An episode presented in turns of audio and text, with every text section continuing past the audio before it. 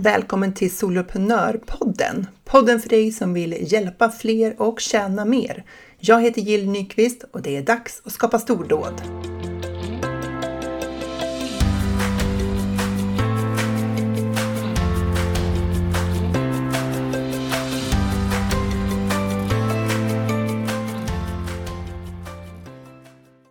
Du har lyssnat på den här podden eh, under ett gäng avsnitt så har du säkert hört mig säga att att vara eh, soloföretagare innebär att vi ständigt utsätter oss för och gör saker som andra människor aktivt kanske väljer bort att göra. Och det handlar om att kliva fram, synas, liksom säga att vi kan hjälpa människor, att vi tar betalt för det, eh, synas med video eller foto foton på sociala medier och så vidare och så vidare. Det finns många saker som är utmanande med att driva företag. Eh, och eh, därför så blir det ett intressant samtal som jag har i den här podden som handlar om mod. Och det är faktiskt en av mina medlemmar i Soloprenörerna, Maria Järlofsson, som är modexpert. Och vi pratar just om varför eh, det är utmanande för oss att Eh, göra alla de här sakerna och hur vi kan göra för att bli modigare. Och en sak som jag har upptäckt skapar mod, det är ju att ta action, att agera, att verkligen liksom testa och göra någonting eh, och få den här upplevelsen av att det faktiskt gick. Och den här månaden i februari då så har vi haft en utmaning i Soloprenörerna att vi ska få in 100 nya eh, prenumeranter på våra e-postlistor. Och det är ju fantastiskt vad jag ser i vår Facebookgrupp över hur, eh, hur alla bygger sina listor. Allt ifrån att man har fått in 30 nya till flera hundra nya på listan. Och det handlar ju om att få det gjort, ta action och våga säga, eh, våga marknadsföra sin freebie om och om igen. Och det är bara en av alla de sakerna som vi behöver hantera och göra och utmana oss kring som soloföretagare. Och det är så kul att se allas eh, resultat och höra om allas framgångar. Så superkul! Jag eh, hoppas att du kommer få stor eh, glädje av mitt samtal nu med modexpert Maria Järlofsson. Idag har jag med mig Maria Järlofsson som är modexpert, författare och föreläsare. Modexpert låter fantastiskt, Maria. Välkommen till Soloprenörpodden. Tack, vad roligt att vara här. Så spännande ämne, men innan vi kastar oss in i det där så får du liksom berätta, vem är du och vilka hjälper du? Mm. Jag jobbar som coach och föreläsare. Jag stöttar framför allt kvinnor som är ofta drivna framåt men som inte riktigt vågar ta plats eller men, vågar visa hela sig själva. Eh, ja, som behöver liksom en push att våga mer för att riktigt må bra i livet. Så ja. det gör jag. När jag jobbar med privatpersoner så är det framför allt det. Just det, och då är det utifrån någon roll de har på jobbet eller är det bara livet i stort? Eller liksom, vart, vart kommer de här kvinnorna ifrån? Alltså de flesta är mm, chefer, konsulter, eh, men också ganska många egenföretagare. Eh, så det är roligt att prata här tycker jag, för att just som egenföretagare så utmanar man sig själv med väldigt mycket och måste lära sig mycket nytt. Så där behöver man verkligen vara modig, övervinna sina hinder. Ja. Mm.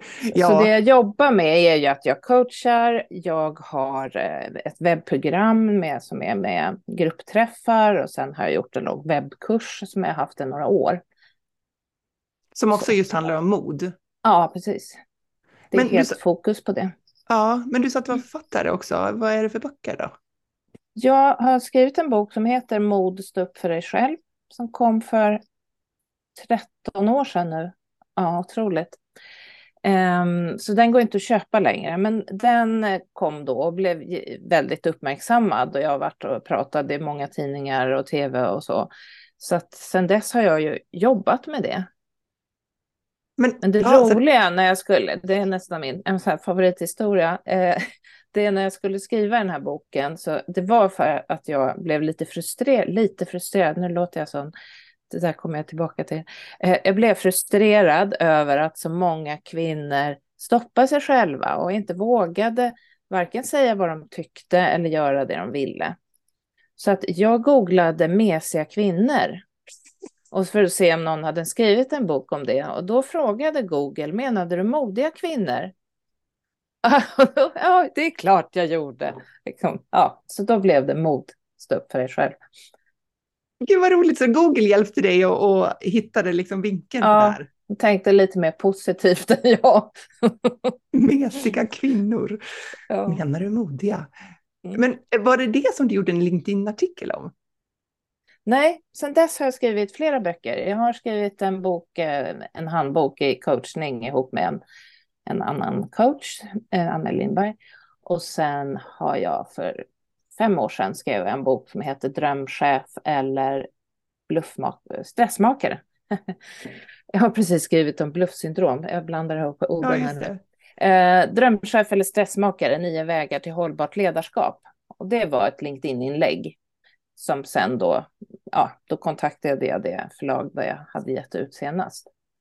Så då blev det en bok. Så att det har jag också varit ute, jag jobbar ju mycket mot företag också, organisationer, så att jag har ju haft mycket coachningar, workshops för företag och ledningsgrupper där man har pratat om hållbart ledarskap och stresshantering och hur gör vi för att må bra.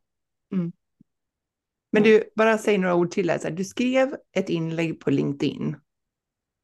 Ja, som var eh, Är du en drömchef eller en stressmakare, tror jag det hette. Ja. Och ja, det var kanske 600 delningar på artikeln och massor med kommentarer. Oj, och ja. flera tusen som hade sett den. Eh, sen var det ju liksom många som kände igen sin chef. Det var kanske inte så många chefer, utan ja, min chef är stressmakare. Jag önskade att hen kunde vara en, en drömchef istället. Ja. Så att, och det, det resultatet av att den fick så stor spridning på LinkedIn, det var det du tog med dig till förlaget? Ja. Och då blev det en bok. Det är så himla roligt tycker jag. Alltså det är inte så ofta ja. man skriver en artikel på LinkedIn som sen går att använda som, eh, som pitch för att få ett förlagskontrakt på en bok. Nej, men det kan man ju tänka sig. Överhuvudtaget inlägg är ju ett sätt att se, alltså det är ju inte bara algoritmer. Det är ju faktiskt också eh, vad folk är intresserade av.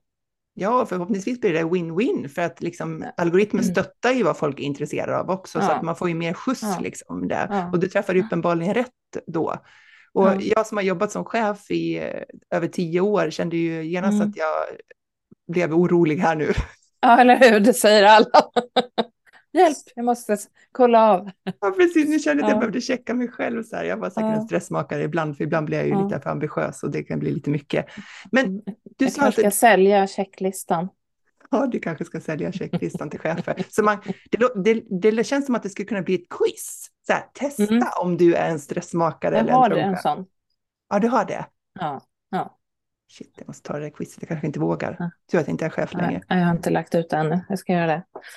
Eh, men jag tänker, apropå mod, så är det en sak som då en del tyckte var modigt. Att, men gud, gick du med det där till ett förlag? Och att, att våga liksom närma sig folk och stä- be om hjälp eller fråga, vill ni ge ut en bok om det här? Nu hade jag ju redan gett ut en bok där, så att det var ju liksom lite uppvärmt så att säga. Jo, men... Mm, men jag tänker att det är någonting som andra tycker är väldigt modigt.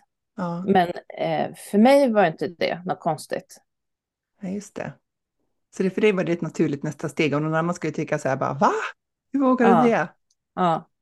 Men och det är det som är intressant med mod, för du frågar, är det för, vem är det för? Och, och mod är ju så individuellt, för vi är rädda för olika saker. Just det. Samtidigt så, så är det finns ju vissa saker som är liksom generellt för nästan alla, som handlar om hur vi är byggda som människor. Vad kan det vara om du ska ge något exempel? Då? Alla är rädda för att få kritik. Mm -hmm. mm. Man vill känna att man duger som man är och man blir, vill ha liksom bekräftelse. Alla vill vara en del av en grupp. Mm. Och liksom få vara med och inte bli utstött. Det är ju liksom en av de värsta sakerna man kan bli. Det är som skadeskjutna djur. Man, blir man utstött ur flocken, då överlever man liksom inte. Så det sitter ju jättedjupt inom oss.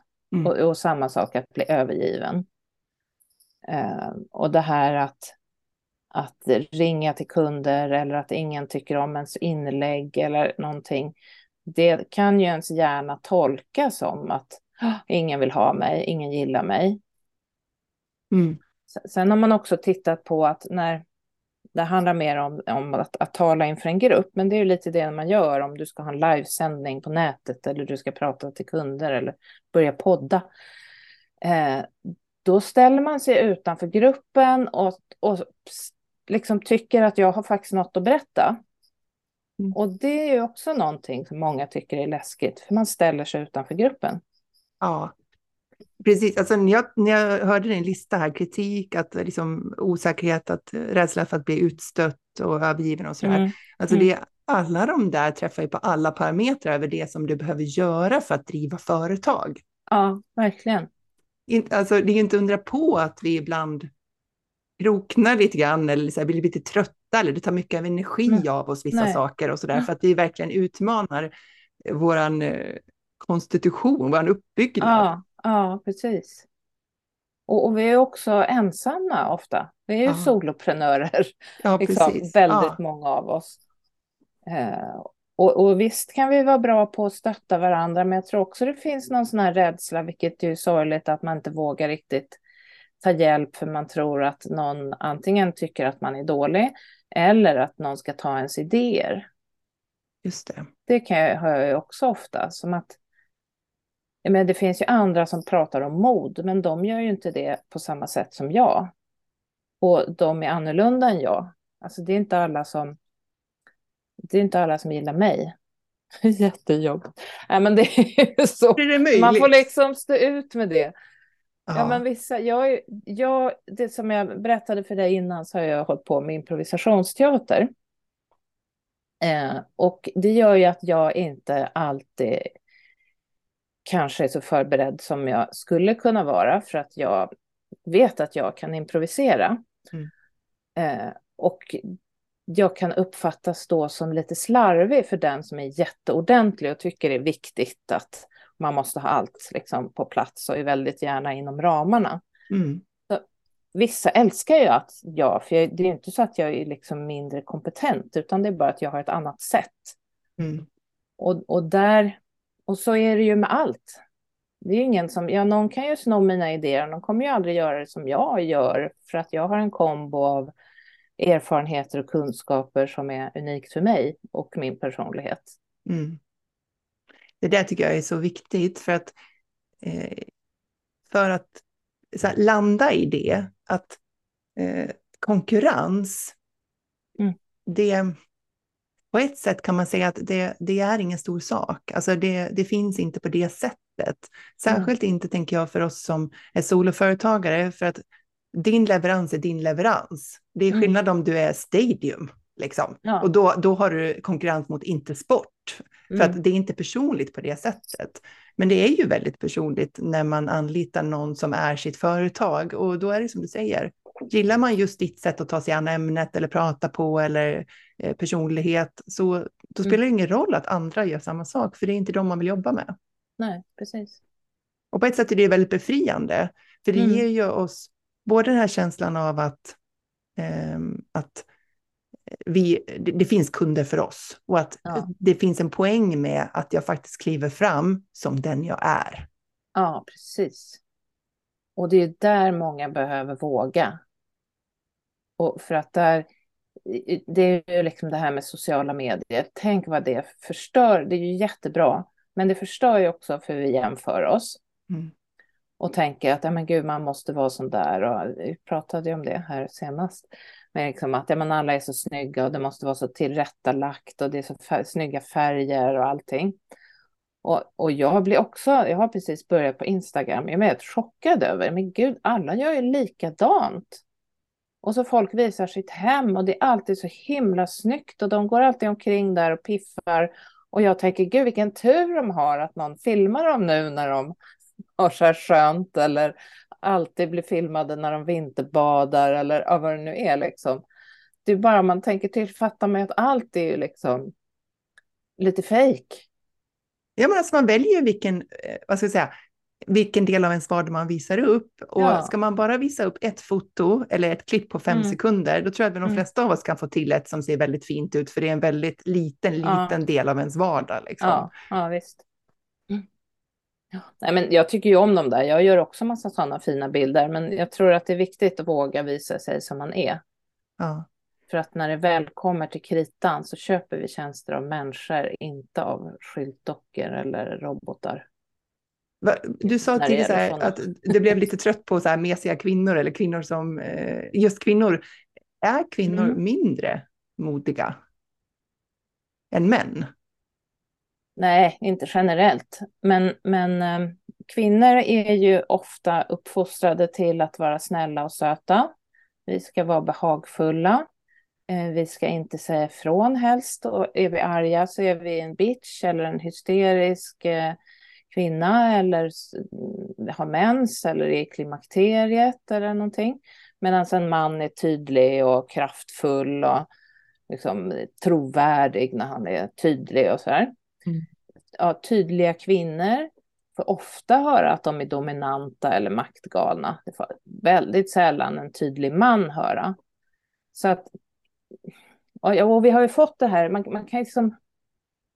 Men, Kvinnor som är lite besvärliga får ofta mer motstånd, både från män och kvinnor, än vad män är som är besvärliga. Är. Ja. Och jag tror inte ens man säger att en man är besvärlig. Nej, alltså, jag tror inte man använder det ordet. Och, och jag jobbar ju en del med stresshantering och där pratar man om överpresterande och högpresterande kvinnor. Och då frågar en läkare, så, men säger ni någonsin högpresterande män? Ja. Eh, Ja, nej. ja. väldigt, jag har inte tänkt på det. det. det. brukar man ju aldrig säga. Är du en högpresterande man? Nej, det är så självklart att de presterar. Liksom. Så att på det sättet har kvinnor mycket större motstånd när vi ska, framförallt det här med att ta plats och synas, att vara tydliga, att leda, att ta sig en expertroll som man ju gör som egenföretagare. Ja. Där har vi större motstånd, och både från egna grupper och, och inre motstånd. Därför vi går emot den här söta flickan som vi ska vara. Just det. Men hur kan man liksom, kan man träna sig i mod då? Ja, man går till mig. Ja. Nej. Eh, jag har ju en kurs som kommer i vår sen. Men ja, man kan absolut träna sig i mod. Jag har gjort en sån här fem steg, då, en modell som jag ja. jobbar med. Ja. Och det första är ju att liksom känna sig själv. Att veta vad du tycker är viktigt. Liksom, vad är viktigt för dig att stå för? Vad vill du? Det här som företagare handlar om att man ska hitta sitt varför. Och då tänker jag att det är viktigt att man verkligen hittar det som är det som är på djupet, inte bara liksom de här som låter bra, att jag ska hjälpa andra kvinnor eller jag ska hjälpa människor, utan det kanske är liksom, ja, men jag vill sova på morgnarna länge och jag vill gå ut och gå på dagen och det här, jag vill ha, slippa alla jobbiga möten och chefer. Alltså att man hittar det som passar, som verkligen är äkta. Just mm. eh, och, och, då gör det ju lättare att gå och komma över motstånd när man har det där. Som, nej men jag vill ju det här, jag behöver, för att nå det här så måste jag göra vissa saker. Och sen är det ju bra att veta liksom, vad, vad är det för hinder du har och när, vilka situationer behöver du kanske träna ditt mod och när blir du mer rädd att vara lite så här, ja men vad händer med dig när du ska göra saker? Vad hittar du på när du ska sälja? till exempel, om du tycker det är jobbigt. Du pratar ju ibland om att man är på lagret, det vill säga att man sitter och gör massa så här, jag, jag har ju precis coachat massa företagare nu, ett projekt med affärs och företagsutveckling. Och alla nästan sitter och håller på med sina hemsidor, ja. de ska göra snygga projektplaner. Jag bara, men ut och sälj. Det är det, du måste våga ringa nu. Aha. Det är kunder du ska ha, det är då och då kan du sitta liksom. Hemsidan ger inte jättemycket liksom. Ja. Mm. Så att... Um, det... Ja, det, så det, det, gäller ju... Ja, det, men det där möter jag också på och jag, jag känner ju alltså jag känner ju igen mig i det också i början, ja. liksom, att mm. det, det, är lite tryggt på lagret. Ja, att man, det är ingen som tackar nej till en där, eller eh, man behöver inte känna sig otydlig eller liksom, eh, ja, rädd för att säga fel saker. Det är ingen som kritiserar en. Nej, precis. Förrän jag kommer och coachar dem. Ja, men sen också att vara vaksam över sina känslor och reaktioner. Alltså, jag har ju märkt hos mig själv, jag är ju inte heller någon sån här som älskar att ringa liksom, kalla samtal, tycker jag är jättejobbigt. Um, och jag började märka, liksom, dels för att jag sköt upp det hela tiden, mm. men sen ibland så kunde det vara så där att jag började fundera i perioder på att jag kanske ska ha ett fik istället. Liksom gud vad mysigt att bara jobba på ett café och man söker jobb och så här. Och sen när jag började tända, men vad, vad hände igår egentligen? Ja, just det. Jag ringde en kund som inte liksom sa nej, som inte ville ha liksom min. Eller någon klagade på något, att jag hade skrivit fel adress i någon mejl. Äh, liksom, ja, ja. Någon sån där mindre grej. Ja. Och då liksom kommer rädslorna och jag vill jobba på ett fik. Så nu ja. när jag liksom är mer medveten om det så kan jag säga, ah, ja, men jag behöver inte gå in på Arbetsförmedlingen och kolla på jobb nu, nu fortsätter jag att jobba. Och det där är bra att känna till så att Just man det. inte styrs omedvetet av sina rädslor. Att man hajar liksom... till lite när det här kommer upp så förstår jag att jag är i ja. den här processen. Ja, ja. Liksom. nu det kom det här nu. igen, liksom. så behöver man inte bry sig så mycket mer om det. Men... Nej. Jag tänker alltid att jag ska stå och hyra ut bowlingskor. Jaha, det är din ja, grej. Det är faktiskt ett yrke som inte finns har jag insett sen, för alla väljer ju sina egna bowlingskor. Men jag har någon ja. bild av så här, när allting blir jobbigt och, och det blir för mycket mm. av allt, och tänker så här, mm. tänk om man bara fick gå, stå och dela ut bowlingskor. Mm. Vad bra. Ja. I två minuter. Sen skulle man tröttna på det. Eller hur? Och skulle det bara, hur kan man producera de här i lite olika färger? ja. Så, men det var steg ett då? Det var steg ett. Ja. Ja. Steg två är att um, hantera sina tankar. Så då mm. får man väldigt mycket verktyg att stoppa de här, liksom, ah, vad tror du att du är och det där går ju inte och du måste nog göra det nå lite bättre, fila lite till och alla sådana tankar som vi kan få. Eh, eller, att, eller det här bluffsyndromet då, att, ja, men, ja, att man tror att folk ska komma på att, att uh, man inte är tillräckligt bra, att man är en bluff. Liksom. Alla sådana tankar. Man, så här, jag som inte kan det här egentligen. Ja, just det. Eh, alla sådana tankar gäller ju att man har sätt att hantera och in, så att de inte börjar styra den. Jag, jag har jobbat med en metod som heter ACT som står för Acceptance Commitment Therapy. Och den handlar ju mycket om att eh, ja, själva metoden med tankar är ju att inte haka fast sig vid dem. Lite som i mindfulness. Att, mm. ah, ja, där kom den tanken, den är inte sann. Ja, nu kom det igen. Och, mm. Oj, nu kommer hela kritikerstormen här nu när jag ska föreläsa. Ja, ja. Och så gör man det man vill ändå. Mm. Älskar ACT. Mm. Ja, och då behöver man ju ha det här steget, att man vet, man känner till, ja, ja, nu kommer de här tankarna igen för att jag utmanar min rädsla det är lite det här utifrån perspektivet, att liksom klara av att se sig själv lite grann utifrån ja, och inse precis. att mina tankar och mina tankar, det låter ju väldigt ja. konstigt, men ja. det är en jättekraft det när man inser att man inte är sina tankar. Precis, man bara har dem. Ja. Och det är gamla rester ifrån vad någon klasskompisar som har mobbat en har sagt, eller någon taskig gammalt ex, eller en dålig lärare, eller vad som helst. Eller vad media säger, liksom. Hur man ska se ut och vara.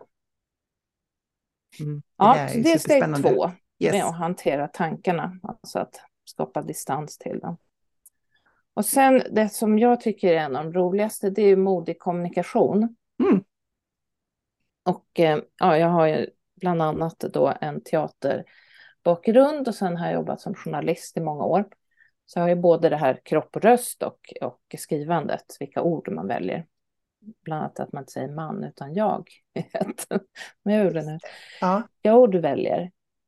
Eh, så att, och där, kvinnor har en tendens att prata lite ljusare röst. Mm. Och sen så eh, använder vi kanske lite sådana här um, små ord då. Att jag, skulle, jag, jag pratade med en, en kund, en, som är klient som jag coachar, som eh, det här får jag lov att prata om, eh, ja. för det är så många som gör som hon. Men jag tänkte att jag kanske, jag kanske skulle ringa någon kund och, och fråga lite om, om de kanske behöver lite hjälp. Ja, liksom, ja, men kan du prova att säga det på något mer kraftfullt sätt? Alltså, ska du, jag ska ringa fem kunder imorgon och erbjuda min hjälp, för de behöver den. Istället för att ja, jag kanske ska lite... Ja. Så det är ett sätt hur man pratar liksom med sig själv, men också inför andra. Ja. Så ska du sälja din tjänst så ska du inte säga att ja, jag kanske har lite, kanske vore bra för dig att få lite hjälp med alla de här små, eller vad tror du, eller, eller det kanske inte går så bra. Ja, så, så förminskar man sig själv ja, i orden man väljer ja. eller blir otydlig så att det inte kunderna vet egentligen vad det är du erbjuder. För du vågar inte säga det här är jättebra för de som har krulligt hår. De måste få hjälp med uh, att få fasta lockar så det inte bara flyger. Och jag har lösningen. Alltså, var, ja. mycket, var tydlig. Och det kräver för mod, som jag sa där tidigare, att kvinnor som är tydliga får hö ofta höra att de är bossiga eller manhaftiga eller någonting. Och då har vi ett motstånd att vi ska låta, liksom, oj vad hård jag låter och, och så. Och inte ska jag ta plats. Nu, vem tror jag att jag är? Den. Och vi är ofta så mot varandra också. Jag kan ju säga till andra kvinnor, oj vad hon tar plats då. Oj gud vad hon syns. Där behöver vi också vara vaksamma, men det, ja. det är inte inom det här. Men, och sen är det ju också att fråga istället för att tolka inom ja. kommunikation. Att inte liksom tro att det möter jag ju också att jaha, nej men de svarar inte på mina mejl så då blev det ett nej. Alltså, men jaha, det är väl inte ett nej. Det betyder ju bara att de har svar, inte har svarat på ditt mejl. Du har ingen aning om vad det betyder. Tolkning har gjort så att hon inte vågar höra av sig igen, för hon tror att det är ett nej. Aha. Det kanske bara är skräppost. Ja, det ja. där är så bra. Jag tänker att mm. det där det där har jag tänkt på för egen del, just, inte kanske just i mail, men när, man, när jag pratar med andra personer och jag inser att de gånger jag har sagt det, ja, men hur menar du då? Eller mm. tänkte du så här? Och mm. många gånger så säger de, nej men alltså jag tänkte ju så här och så här. Och så inser jag att jag har mm, tolkat precis. dem helt fel. Ja, ja. Och då tänker jag, jag försöker öva mig på att ställa fler frågor för att jag mm. inser mm. att mina tolkningar inte alltid är rätt. Särskilt om jag blir lite så här, va? Vad händer nu? Liksom, lite bestört mm. sådär. Mm. Att det är mycket bättre då att försöka få någon slags klargörande i det där istället för att tolka och gå vidare. Men ja, det där är svårt tycker jag, för jag, jag glömmer bort det. Liksom. Men jag inser mm. de gånger jag faktiskt har ställt en motfråga att vad mm. värdefullt det är. Ja. ja, jag är hårdtränad som journalist och coach. Så det är nästan så att jag en del tycker att jag är jobbig. Någon, det var någon som frågade mig någon gång. Ja. någon som frågade någon gång så här. Du, vem, vad skulle du prata om om du inte ställde frågor? jag bara, va? Du bara, hur menar du då? ja, eller hur? Vad, vad, kan man prata utan det?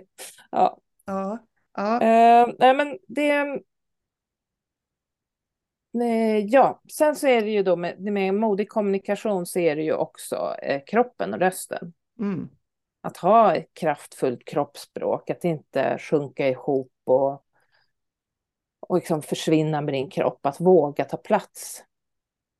Mm. Och där har vi också svårt, behöver vi träna, många av oss att ta plats i rummet, att inte stå med benen i kors eller armarna i kors, utan liksom ta en stadig, balanserad plats på golvet, så att säga. Mm. Eh, och, och, samma sak med rösten, att se vilket röstläge man har, att prata, jag försöker prata med ganska låg röst, men jag ibland pratar jag så här om jag verkligen vill ha fram någonting. Men ganska många pratar här och då andas man också upp i, i bröstkorgen och det blir ganska jobbigt att lyssna på. Och sen tror jag kanske ingen skulle vilja ha mig som coach om jag sa att jag jobbar med mod. Det är ganska viktigt med självkänsla. Så att om ni vill så får ni kanske lite hjälp av mig. ni vill ringa mig så kanske det, ja, ja, du Ja, förstår. Ja, ja precis. Ehm. det, det signalerar inte riktigt samma saker då, liksom det här Nej, att- att man är precis, trygg i utan- sitt budskap och Nej. att, att jag verkligen kan hjälpa till. Nej, och då handlar det om att få ner rösten liksom, med magstöd och andas med magen, ungefär som en sångare får träna. Men det är ganska mycket att öva på, för då är det så här, dels är det verbalt vad, vad det är för ord jag använder och vad jag ska Mm. låta bli att använda och vad jag ska Ja. ta istället. Liksom. Mm. Och sen har vi röstläget, liksom, Mm. ljus röst eller inte, och sen har vi kroppsspråket. Mm. Det finns ju en del av, jag tänker om man har liksom utmaningar med alla de där tre nivåerna, så då Mm. är det ju verkligen en omprogrammering, tänker jag, för att få Ja. det där att bli ett naturligt nytt sätt. Verkligen. Det är det. Och... Ja, Det som är bra då, när man är Tänker som jag- företagare, är ju att man får jättemånga tillfällen att öva. För att ska man, ska Ja. man kliva fram och synas så är, innebär det ju att man pratar, eh, Mm. man syns på bild, Mm. eller hur man uttrycker Ja. sig i, i skrift, eller hur man Mm. håller en föreläsning, eller ett webbinar, eller mm. på ett mingel. Liksom. Mm. Mm. Mm. Ja, och bara de här, alltså jättemånga som tycker illa om mingla, det tyckte jag också förut.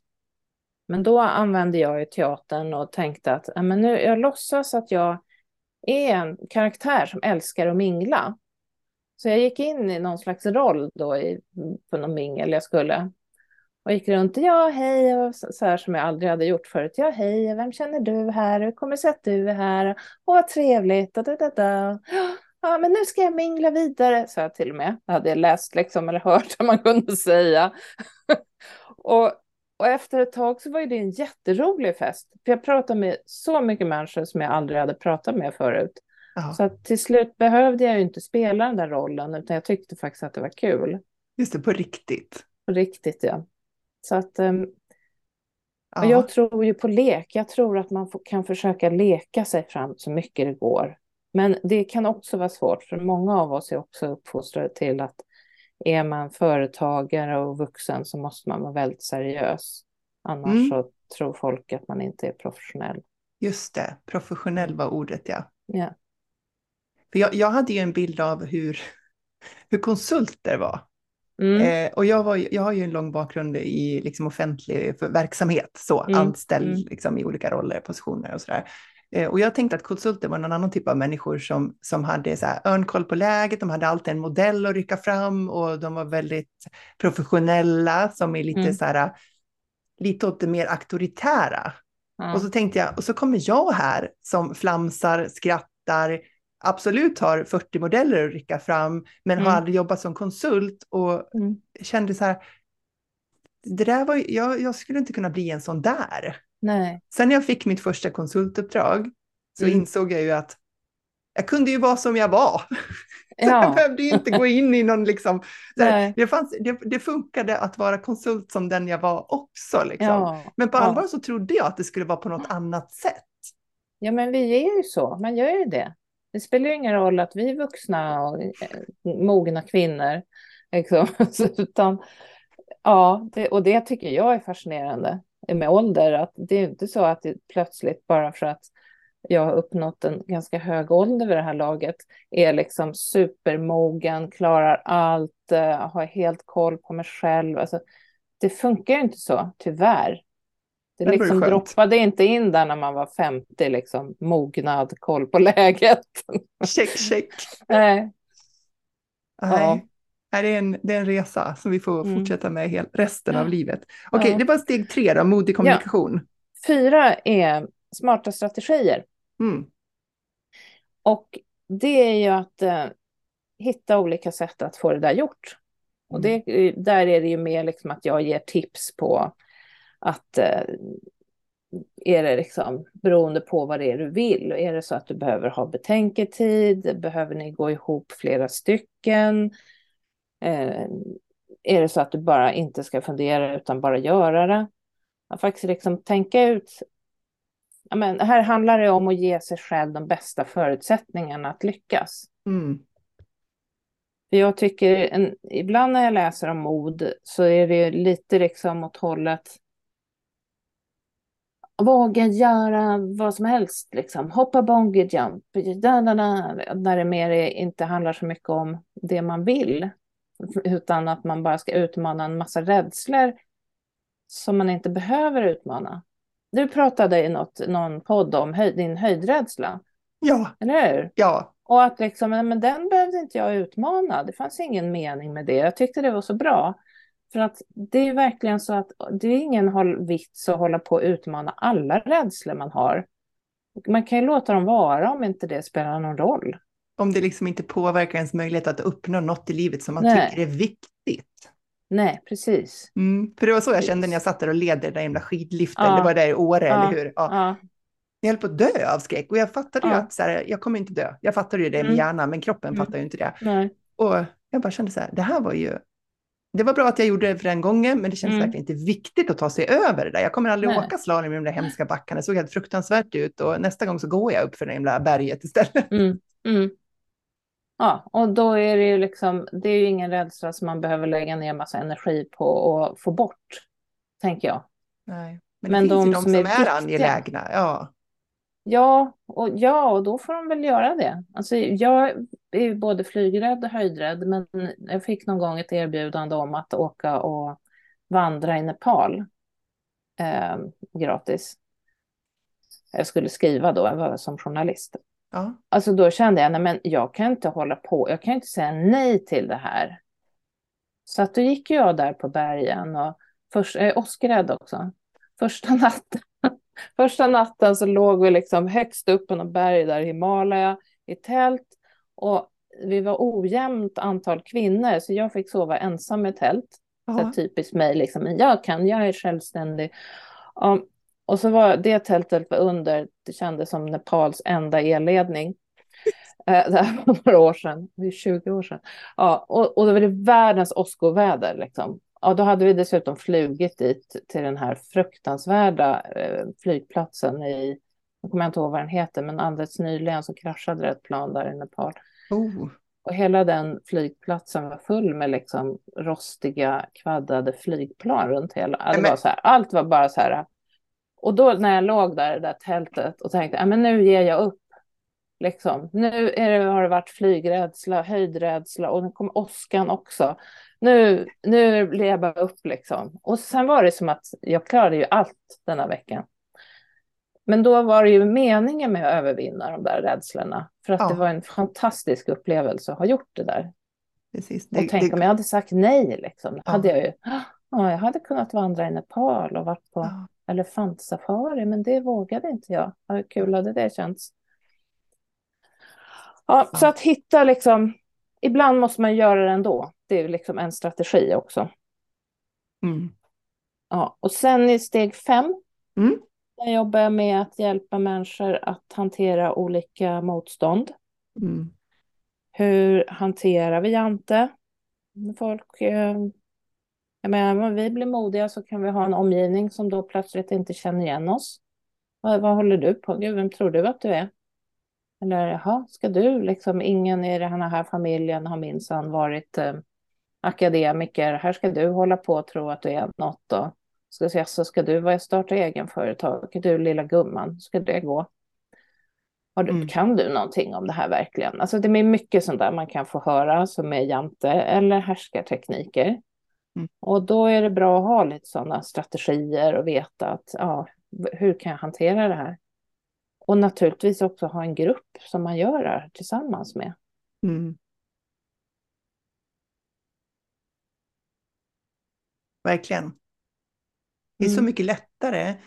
Eh, det märkte jag när, jag när jag klev ut som företagare, att jag kände verkligen det där behovet av att umgås med andra som driver företag online. Ja, För att mitt gamla nätverk bestod av miljöfolk på kommunen. Ja, Så det Ja. var inte så att de kunde hjälpa mig på min resa, utan jag behövde träffa andra människor som redan gjorde det jag ville göra, Mm. fast jag visste Mm. inte hur jag skulle göra det, jag fattade inte hur jag skulle ta mig dit. Men Nej. någon som låg liksom före och, och visade Mm. för mig, eller påminde mig om att det här faktiskt är möjligt. mm, Så viktigt. Ja. Ja. så är det verkligen. Få lite draghjälp. Du, vilka, vilka bra fem steg. Ja, och sen hela tiden, om man då jobbar med mig i alla fall, men det tycker jag är viktigt, det är att man hela tiden agerar. Alltså att man tar små steg mot det man vill. Man sätter små mål och går med små steg. Så att i kursen har jag ju såna här, liksom, jag har haft utmaningar om det också, att ja, men ät en maträtt du aldrig har ätit eller sätt på dig en färg du aldrig brukar ha. Alltså att träna hjärnan i att göra nya saker. Mm. Um, att, för vi är ju väldigt mycket vanemänniskor. Vi går ju liksom i våra samma spår och har samma kläder och samma färger. Och, mm, mm verkligen. Um, så, så att um, där kan man, då är det ett sätt liksom att prova. Och, och det här med kroppsspråk också. Prova ett annat kroppsspråk någon dag. Vad händer om du pratar och uh, betonar väldigt mycket på mötena på jobbet? Alltså bara testa och leka med sånt för att se vad som hänt. Det är ett så här litet sätt att prova mod. Ja, men jättebra för att just det med som att man bestämmer sig för att man ska ändra sitt kroppsspråk. Mm. Till exempel om vi säger att man har eh, att man kurar lite grann och mm. då ska man så här räta upp sig och stå, liksom, ja. stå stadigare, stå liksom ja. tydligare sådär. Mm. Och, och sen testa då med rösten, att kanske mm. prata lite mer med emfas eller mm. betoning eller så här. Mm. Det, det, kan ju hända att man får en, en himla upplevelse av hur andra plötsligt reagerar på ens kommunikation. Ja. Ja, verkligen. Som, verkligen. Jag hade en tvärtom-upplevelse där, jag vet inte hur relevant den är i sammanhanget, men jag, det poppar upp i mitt huvud nu. Där jag, för jag har ju, jag har ju alltid varit den där som har klivit fram och liksom varit så här, tagit plats. Mm. Liksom. Mm. Ja, och ibland blir jag trött på mig själv. Så, här, så då tänkte jag, jag hade ju en ledningsgrupp och så tänkte jag att åh vad jag håller på, jag håller på så här. Nu ska jag hålla låg profil och låta andra ta plats. Mm. Mm. Så jag satt på mötet, ledningsgruppsmöte, och höll låg profil. Mm. Mm. Vilket innebär att jag inte pratade först hela tiden. Att jag liksom, vet, om ingen frågade mig så uttryckte jag inte min åsikt på en gång, vilket jag typ alltid gör annars. Och så, här, så jag försökte liksom så här, så här, hålla låg mm. profil. Och det slutade ju med att en kollega sa, eh, Jill, hur är det med dig idag? Här, är du, mår du bra? Mår du? Jag bara, jag mår jättebra. Han bara, mm. Så var det en annan, eh, Jill, vad tycker du om den här saken?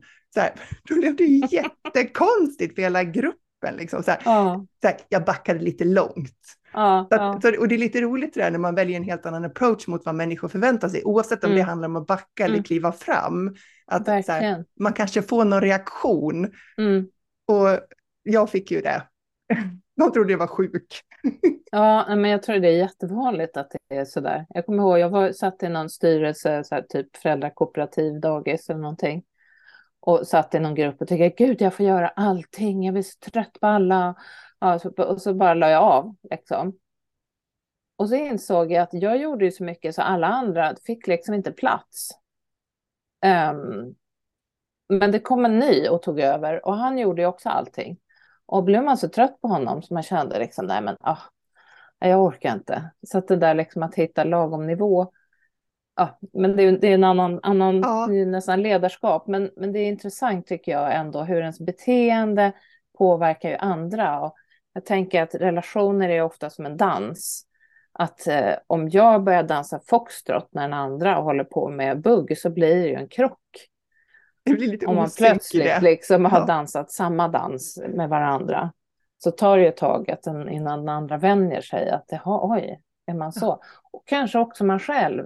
Ja, verkligen man själv. Så att om du är som egenföretagare och inte vågar ta plats på mingel eller möten och så börjar du göra det så kommer ju folk, oj, vem är det där?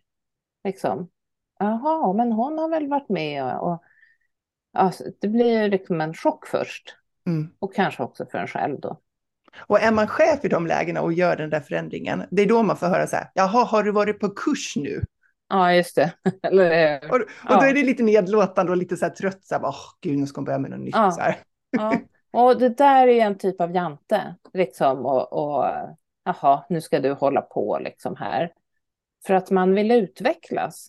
Så att vi är jättebra på att trycka ner varandra, särskilt det här rått men hjärtligt som är ett av mina värsta saker jag vet. Ja, just det. Mest rått. Um, ja. ja. vi är lite så här, här på jobbet har vi det roligt liksom. Vi är rått med hjärtligt liksom. Eller vad säger du fet knopp?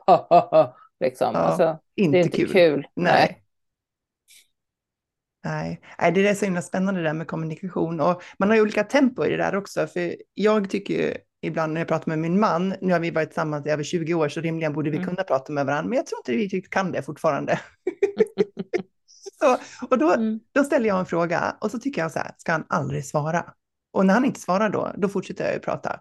Ja, och sen när vi pratade om det där liksom någon gång, jag bara, men du, du svarar ju inte. Han bara, mm. jag tog ett andetag. och jag tycker att jag sitter och väntar hur länge som helst. Om ja. någon ställer en fråga till mig, då, då svarar man ögonblickligen. Och att han då liksom har en så här kort paus, då tycker jag så här, nej, det var väl ingenting med det där då. Nej. Min man har jättelånga pauser.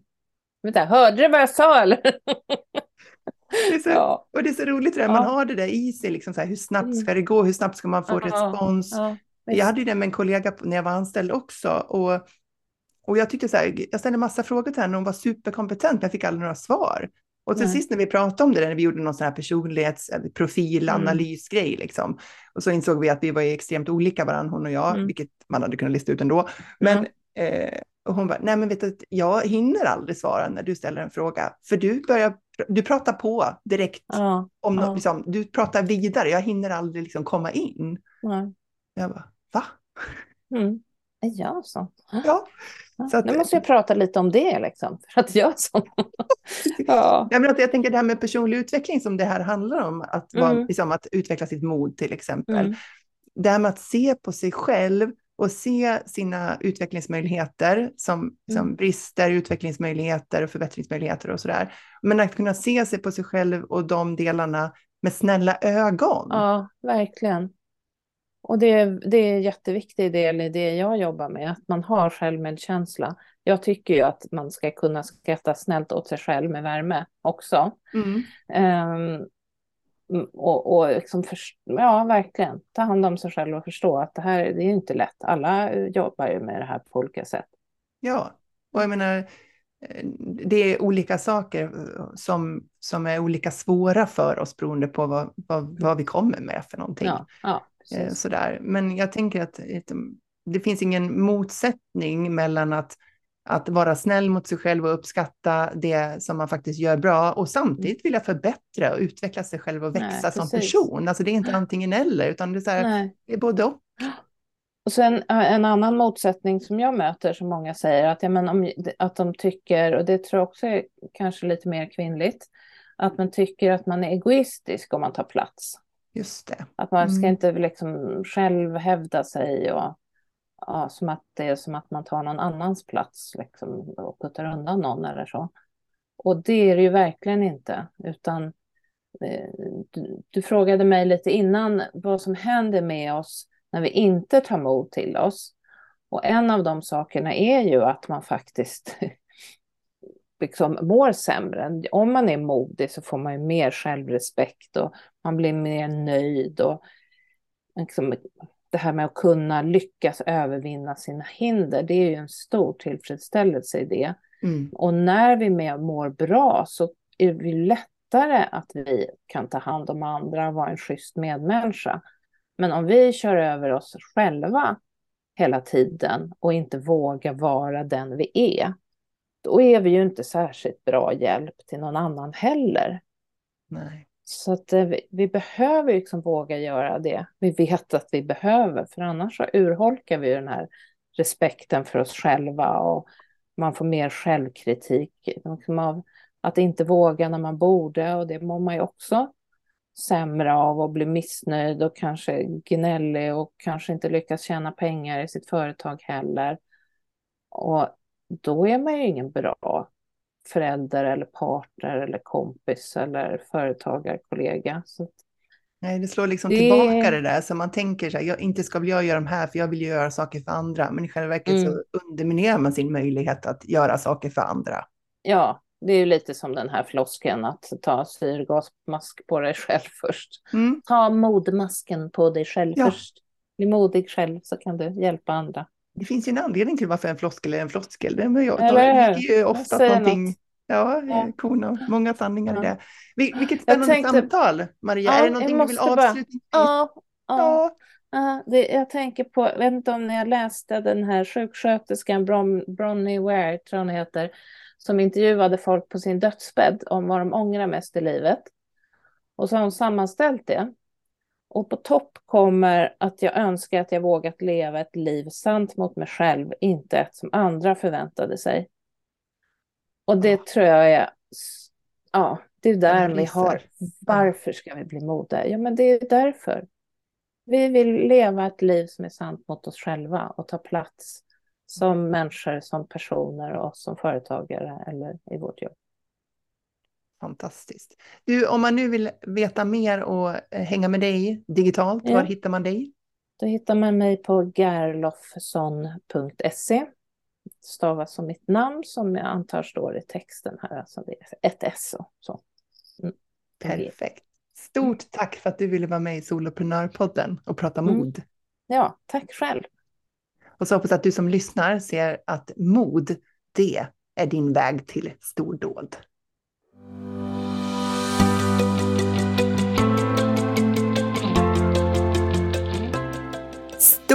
Tack för att du lyssnar på Soloprenörpodden. Jag är så glad för det.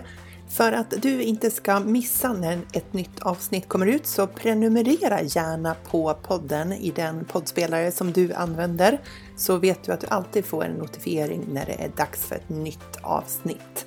Om du vill får du gärna ta en skärmdump av det här avsnittet och tagga mig på Instagram i en story, solopreneur.nu. Jag tycker det är galet roligt att se alla er som gör det, för då vet jag ju att just du lyssnar och det är ju helt fantastiskt. Stordådligt, som jag skulle kunna säga.